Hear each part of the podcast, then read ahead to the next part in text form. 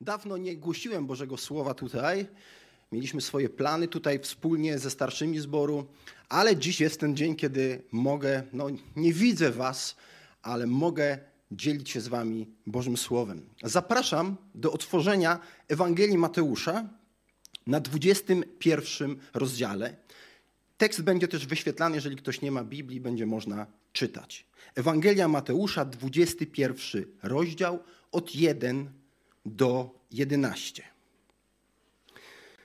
A gdy się przybliżyli do Jerozolimy i przyszli do Betfagę na Górze Oliwnej, wtedy Jezus posłał dwóch uczniów, mówiąc im: Idźcie do wioski, która jest przed wami, a wnet znajdziecie oślicę uwiązaną i ośle z nią.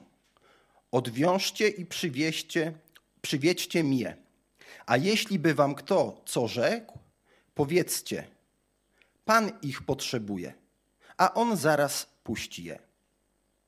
A to się stało, aby się spełniło, co powiedziano przez proroka mówiącego: Powiedzcie córce syjońskiej, oto król twój przychodzi do ciebie łagodny i jedzie na ośle, źrebięciu oślicy podjarzemnej. Poszli więc uczniowie i uczynili, jak im rozkazał Jezus.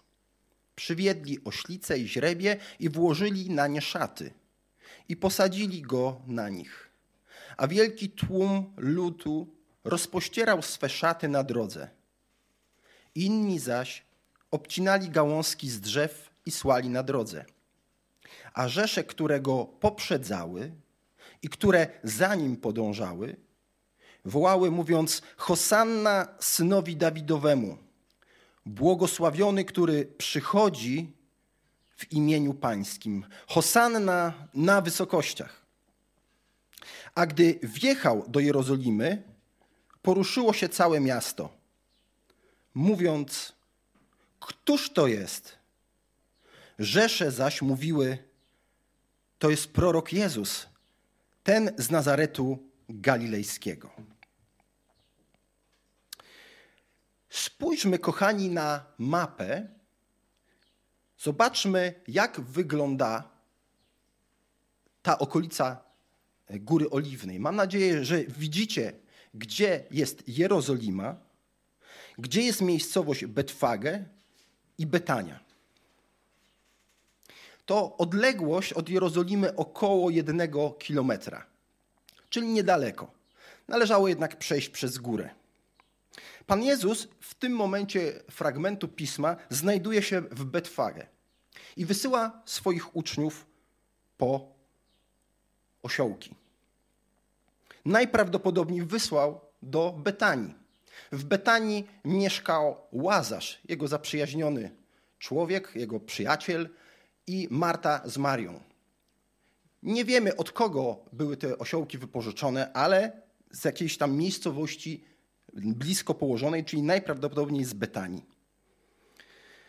Chciałbym, żebyśmy spojrzeli na współczesny widok, widok z Góry Oliwnej, czyli z tego mniej więcej no, miejsca, na pewno z tego miejsca z Góry Oliwnej, ale w którym miejscu Pan Jezus dokładnie stał, nie wiemy, ale widzimy tutaj, na, bliżej nas, mnóstwo takich, może nie wiadomo, co to jest. Otóż dzisiejsza Góra Oliwna z tej strony to jest jeden wielki cmentarz, zresztą najdroższy na świecie. Dlaczego? Dlaczego tylu ludzi chce tam być pochowanych? Ponieważ wierzą, że kiedy przyjdzie Mesjasz, to właśnie pojawi się na Górze Oliwnej i oni będą pierwszymi przy zmartwychwstaniu po przyjściu Mesjasza. Spójrzmy na inne jeszcze ujęcie, widzimy tam bramę, która jest zamurowana. Ta brama nazywana jest bramą złotą lub w Biblii widzimy też taką nazwę brama piękna. Ta brama prowadziła bezpośrednio na wzgórze świątynne. Można powiedzieć, to tą bramą wchodziło się do świątyni. Dlaczego jest teraz zamurowana? Ponieważ w XVI wieku, na początku XVI wieku, panował tam sułtan Sulejman Wspaniały. I Żydzi zaczęli wierzyć, że nadchodzi Mesjasz, który przyjedzie i ich wyzwoli. To taka legenda, nie ma do końca pewności. Więc ten sułtan dopytywał się, kim jest ten Mesjasz, i dowiedział się, że on rzeczywiście wjedzie tą bramą. Żeby uciąć wszelkie pogłoski i rzeczywiście nie dopuścić do, do tego, by powstanie jakieś wybuchło, zakazał zamurować tą bramę i zrobił jeszcze coś. Przed tą bramą, tego prawdopodobnie tutaj na tym zdjęciu nie widzicie, ale kazał chować muzułmanów. Czyli tam jest cmentarz muzułmański, który jest do dzisiaj. Dlaczego to zrobił? Ponieważ żaden pobożny Żyd nie chciałby się skalać zmarłym, więc żaden Mesjasz w rozumieniu jego nie przeszedłby tą drogą. To taka troszkę historia. Jeszcze jeden obrazek tylko. To jest drzewo oliwne, które najprawdopodobniej ma około 2000 lat. Jest kilka takich drzew. Kiedy byliśmy na wycieczce, mogliśmy je widzieć. Kiedy byliśmy na wycieczce w Jerozolimie. Rzeczywiście są prawdopodobnie tak stare te drzewa, że mogły być świadkami wydarzeń, choćby o których dzisiaj czytaliśmy. Były świadkami wydarzeń, kiedy Jezus się też modlił w, w tym ogrodzie. Te drzewa wiele widziały. Ale przejdźmy do naszego tekstu.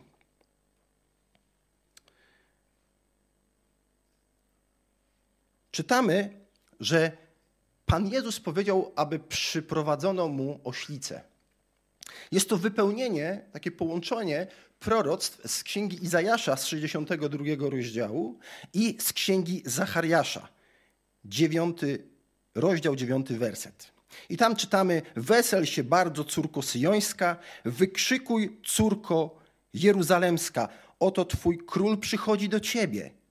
Sprawiedliwy on i zwycięski, łagodny, jedzie na ośle, na oślęciu, źrebięciu, oślicy.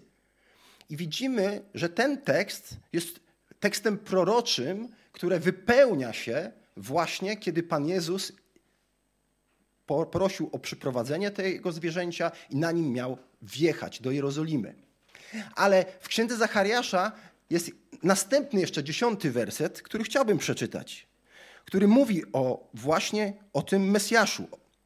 I zniszczy wozy wojenne z Efraima i rumaki z Jeruzalemu, a łuki wojenne będą połamane.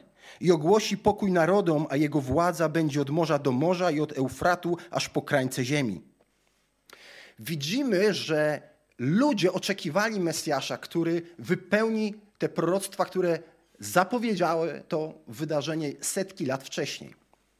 I oto jest. Jest Mesjasz, jest Jezus, jest ten z Nazaretu, który czynił cuda.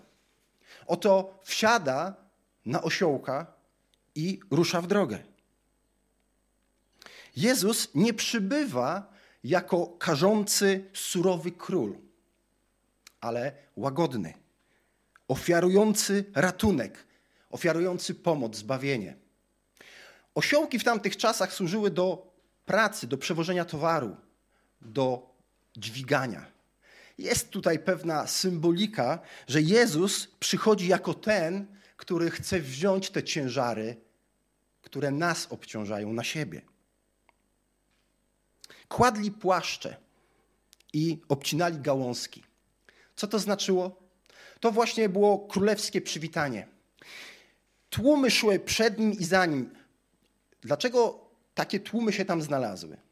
Ponieważ oni wszyscy podążali na święto. Po tym, po tym wydarzeniu, po tej drodze, w następnym tygodniu, czy w tym tygodniu, kiedy oni przybyli, miała być Pascha, największe święto dla Izraela. Więc te tłumy przed Jezusem szły i szły za nim. On gdzieś był po środku.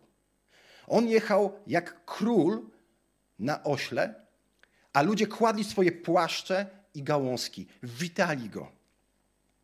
Łukasz opisuje to tak. Całe mnóstwo uczniów zaczęło radować się i donośnym głosem chwalić Boga za wszystkie cuda, które widzieli. I mówili: Błogosławiony król, który przychodzi w imieniu Pana, pokój w niebie i chwała na wysokościach. A Marek opisuje tak tą sytuację. Ci, którzy szli przed nim i którzy podążali za nim, wołali: Hosanna, błogosławiony, który przychodzi w imieniu Pana. Błogosławione królestwo naszego ojca Dawida, które przychodzi w imieniu Pana. Hosanna na wysokościach. Wyobraźmy sobie tą atmosferę. Gdybyś był uczniem, tym wybranym, znasz Jezusa, wiesz, że czynił cuda, uzdrawiał, wskrzeszał zmarłych, uciszał wiatr i morze, rozmnożył chleb i ryby. Ten, który do niektórzy widzieli to, był przemieniony na górze. Ten wielki, wspaniały, potężny Jezus w ich oczach Mesjasz, Zbawiciel. Rzeczywiście spełnia warunki Mesjasza. I idą teraz w tym pochodzie, w tym pochodzie świątecznym, gdzie jest wiele radości, gdzie może jest muzyka, gdzie jest taniec, gdzie jest euforia.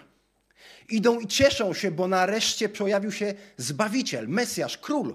On zmieni rzeczywistość. Oni, uczniowie, na pewno byli dumni. Jesteśmy Jego uczniami. O tak, to jest szczęśliwy dzień. Zobaczcie, ile ludzi go popiera. Tłum ludzi wędruje, czyli około kilometra Jezus szedł, jechał na tym osiołku z uczniami, a tłumy były przed nim i za nim i wołały i cieszyły się. I wołały Hosanna, co znaczy wybaw nas. Oni się cieszyli. Tak, przyszedł ten, który na pewno nas uratuje. To jest ten Mesjasz. Znamy przecież proroctwa. Widzimy, co on czyni. To musi być on. Błogosławiony, który przychodzi w imieniu Pana. I oczywiście czytamy, że kiedy Pan Jezus wszedł do Jerozolimy, jak zareagowali mieszkańcy? Otóż czytamy, że oni wcale się nie ucieszyli. W naszym przekładzie, tym brytyjskim, czytamy, że poruszyło się całe miasto. To słowo mogłoby sugerować, że oni też się ucieszyli. Ale to słowo jest dokładnie tym samym, które użył Mateusz, opisując sytuację, kiedy Herod dowiedział się, że narodził się król. To słowo opisuje zatrwożenie, lęk. Tak jak wtedy cała Jerozolima się zatrwożyła, tak takie wejście Jezusa do tego miasta spowodowało napięcie. Spowodowało jakieś napięcie wewnętrzne, jakiś strach, że coś jest nie tak. I zobaczmy, że oni nie krzyczeli Hosanna. Oni pytali, ale kto to jest? Kim jest ten, który tu przychodzi? Wokół którego jest taka wrzawa. I pada pytanie, to jest prorok Jezus, ten z Nazaretu Galilejskiego. Wiemy, że jest to ostatnia podróż Jezusa. Akurat w tym momencie do Jerozolimy. To jest ostatni element jego, etap jego życia. Żeby coraz głębiej zrozumieć tą sytuację, spójrzmy, co stało się chwilę później. Jezus na fali, tak, tak moglibyśmy myśleć, jako jego uczniowie, idzie, ludzie się cieszą, wiwatują. Jezus wchodzi tą złotą bramą i udaje się prosto do świątyni. I co robi ten władca, ten król, ten pan, Mesjasz? Wyrzuca stamtąd kupujących, robi porządek. On wkracza jak bohater. Wkracza i naprawdę robi porządek. To niesamowite. Czujecie to napięcie, to, to, to napięcie, ale takie pełne entuzjazmu, że to jest władca, on ma moc. Wszedł i zrobił porządek.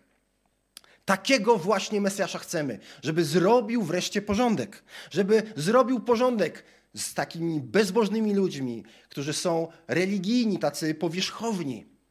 Niech zrobi z nimi porządek, a potem niech zrobi porządek z władzą rzymską, żeby nam się nareszcie żyło w królestwie Mesjasza.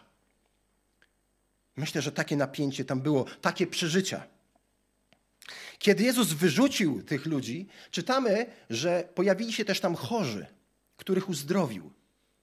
I wtedy dzieci wołały Hosanna synowi Dawidowemu.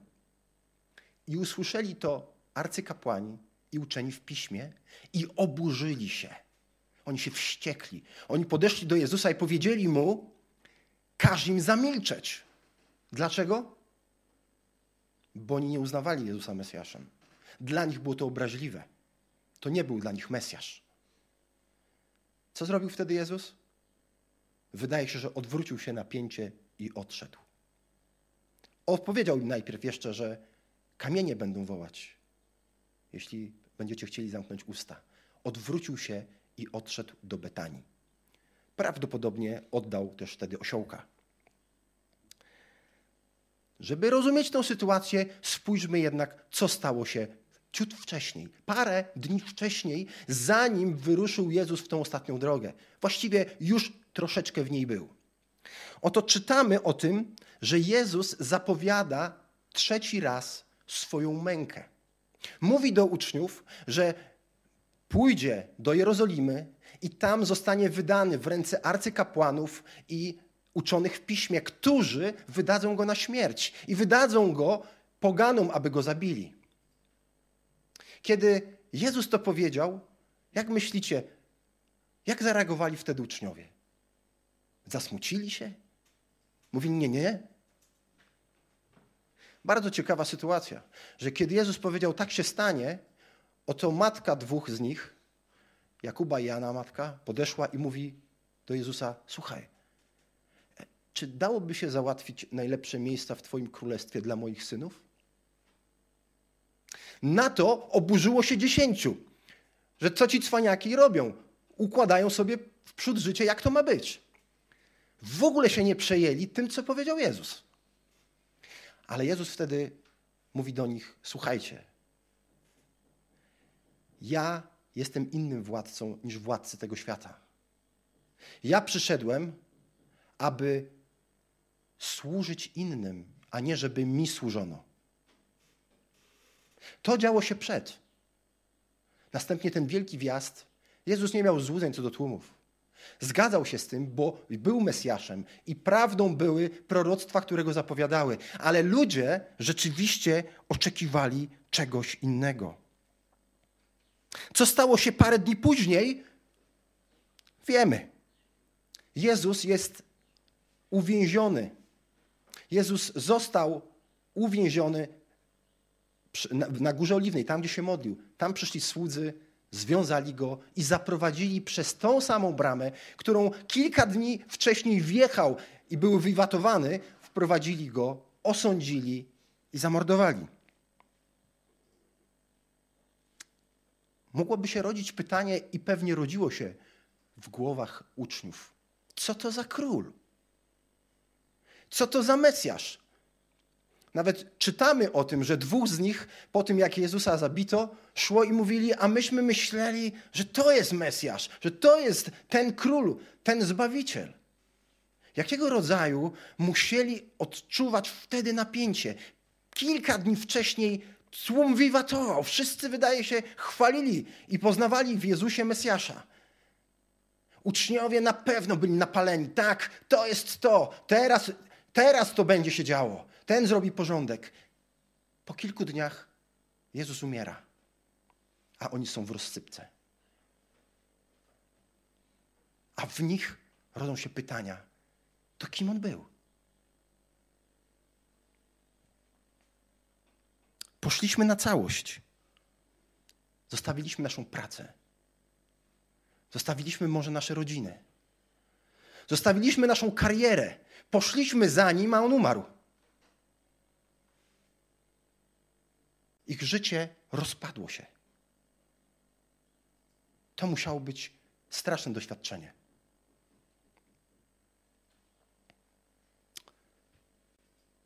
Jezus przyszedł jako król, ale nie taki, jakiego oczekiwano. Jezus przyszedł jako król i Mesjasz, ale nie taki, jakiego oczekiwano. Spełniał część proroctw, ale nie wszystkie wydarzyły się jeszcze. Przyszedł nie takiego, jakiego oczekiwano. Nie, on przyjechał na osiołku, ale nie na koniu, jako zwycięzca, jako władca, dowództwa, jako generał. Nie wjechał na koniu, wjechał na osiołku. Szedł z tłumem, które chwaliło go, a nie szedł z armią wojowników, którzy mieli zmienić tę rzeczywistość. Nie szukał sojuszy, z kim się ułożyć, żeby rzeczywiście zmienić pozycję Izraelitów. On, co więcej, nie tylko nie szukał sojuszów, ale naraził się wszystkim, nawet uczniom. Bo kiedy umarł, oni zwątpili. On się naraził wszystkim. On nie pasował. Nie zachęcał do walki zbrojnej, ale zachowywał się jak owca na rzeź prowadzona. Pozwolił na to. Zachowuje się jak sługa, a nie ten, któremu mają służyć, skoro jest Mesjaszem i królem. Cóż to za król? Jak on włada i troszczy się o swoich poddanych, jeśli jest królem? Kładzie swoje życie, aby uratować od nadchodzącego gniewu, tego słusznego Bożego gniewu. On kładzie życie z miłości, by obdarzyć życiem i miłością, by nadać życiu człowieka wartość. Bóg działa jako władca, ale nie tak, jak my tego chcemy. Przyglądnijmy się swojemu życiu. Jakie mamy wyobrażenie Boga? Kim jest Jezus dziś dla mnie i dla Ciebie? Minęło dwa tysiące lat. Moglibyśmy powiedzieć, ta rzeczywistość nie zmieniła się. Ludzie cierpią, chorują, kłócą się, wykorzystują, mordują. To, to się nie zmieniło. Kim jest Jezus? Kim jest Bóg? Ale Bóg ma swój plan ratunku. Chcielibyśmy, aby taki świat się już zakończył. Izraelici, najbliżsi uczniowie, oczekiwali potęgi i mocy Mesjasza i słusznie. I dostrzegali to i dopatrzyli się część tych aspektów. Jak często i my to robimy. Ale musimy zobaczyć, że Bóg ma większe, pełniejsze rozumienie. To troszkę tak jak czytanie książki. Jeśli czytasz książkę, jesteś w połowie. Nie wiesz, jak się skończy. Kiedyś były takie filmy, że można było decydować, jakie będzie zakończenie filmu. My bardzo lubimy decydować o zakończeniu. Chcielibyśmy mieć wpływ na zakończenie. Sami chcielibyśmy napisać scenariusz, jak ma być. Może jesteś w takim momencie, a na pewno jesteś, że czytasz swoją historię życia, jesteś na jakiejś stronie i może w tym rozdziale Twoje życie jest ciężkie, trudne. Może dzieją się tam złe rzeczy. Może borykasz się z grzechem. Może boisz się o przyszłość. Ale Twoja książka jeszcze się nie skończyła. Jesteś, póki żyjesz, w pewnym miejscu tej książki, w pewnym rozdziale.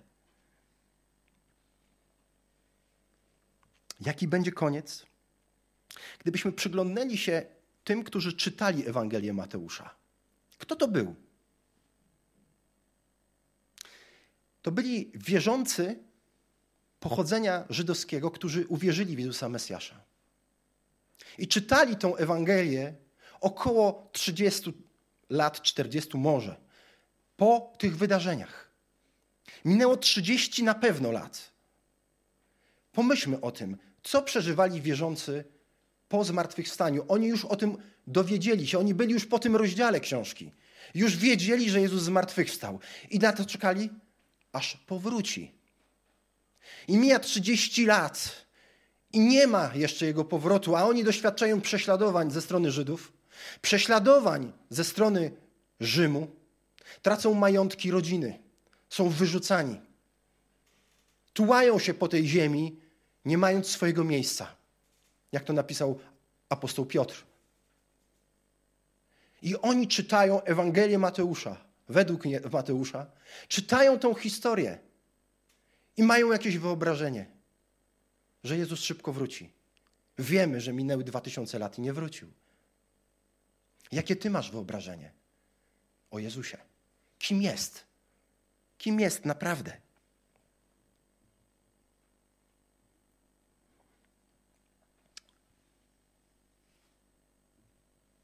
Co się stanie w przyszłości? Kochani, co się stanie w przyszłości? Myślę, że jest to fascynujące. Przeczytajmy z Księgi Objawienia. Oto ostatni rozdział książki pod tytułem Historia świata. To jest ostatni rozdział tej książki, którą napisał Bóg. Ostatni rozdział o Twoim życiu. Tylko po której stronie będziesz? Jak ostatecznie, jaki ostatecznie będzie Twój koniec? Co mówi ta księga?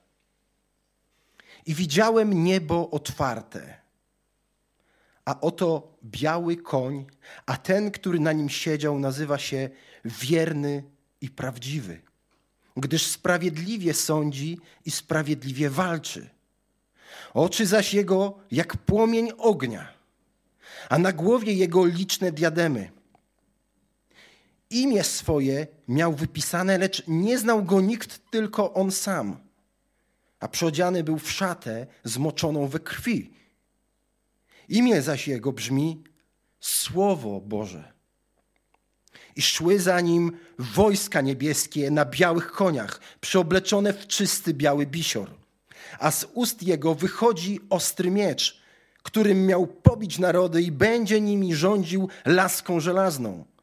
On sam też tłoczy kać wina zapalczywego gniewu Boga Wszechmogącego a na szacie i na biodrze swym ma wypisane imię. Król królów i pan panów. To jest wejście naszego Zbawiciela. To będzie wejście, którego się świat nie spodziewa. Jezus przyjdzie jako król i władca, ale ludzie takiego nie oczekują. Wtedy Izraelici oczekiwali takiego władcy. Pojawił się, nie spełnił ich oczekiwań i do tej pory oczekują, aż przyjdzie. My też oczekujemy, ale wierząc, że On już raz był. Wtedy przyszedł z łagodnością, cierpliwością, okazując łaskę. Teraz jest czas łaski, teraz jest czas zbawienia. Teraz Bóg okazuje miłosierdzie i czeka i chce zbawiać ludzi, ratować ich, ściągać z nas te ciężary, chce nam pomagać, chce nas zbawić od środka. On chce panować w nas. Ale będzie moment, kiedy On przyjdzie. Kiedy przyjdzie w swojej chwale. I wtedy każde kolano się zegnie. I przyjdzie z tym całym orszakiem wojska niebieskiego. To będzie, to będzie pochód. To będzie się działo. Ale świat wolałby innego Jezusa. Takiego, że będzie tylko głaskał, tulił i spełniał nasze życzenia. My chcielibyśmy napisać historię. My chcielibyśmy napisać, jak ma być w naszym życiu. My chcielibyśmy. Ale czy Bóg tak chce? Czy On jednak swoją historię nie pisze? Czy On jednak, będąc dobrym, łaskawym, miłosiernym, i wszechmocnym Bogiem, który zna początek i koniec tego świata, czy on nie wie, jak ma się potoczyć to, co się dzieje? Czy jemu się wymykają pandemie, choroby, wojny? On jest tym, który panuje nad tym wszystkim. Co ludzie wokół mają do powiedzenia, jak żyć dzisiaj?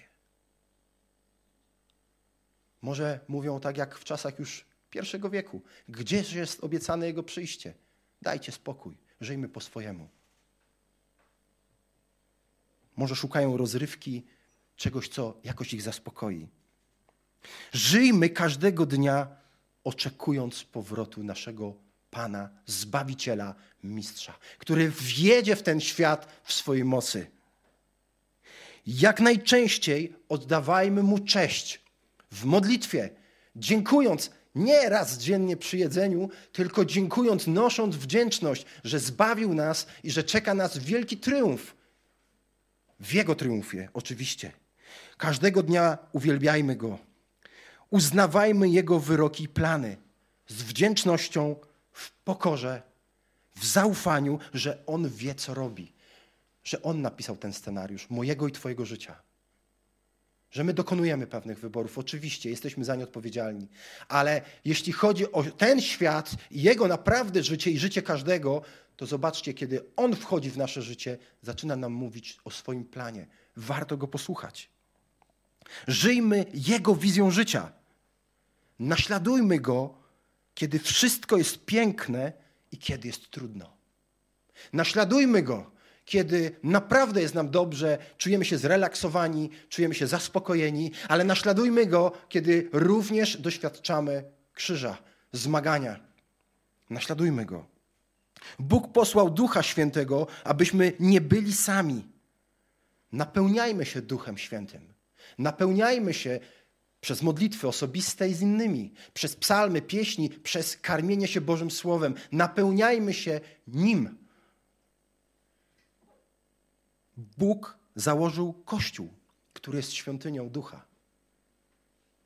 On nie chce, żebyśmy żyli jak, jako indywidualnie tylko my, tylko jako razem, jako społeczność. Założył Kościół. Dlatego, dlatego kochani, służmy innym, zainteresujmy się innymi, miejmy troskę, miejmy miłość o siebie. Bóg trzyma nas tutaj, abyśmy opowiadali o nim dobrą nowinę. Bądźmy świadectwem w słowie i w czynie. Bądźmy świadectwem wiary w Jezusa, który powróci. Jezus przyjdzie jako król i władca. Ludzie takiego nie oczekują. A ty?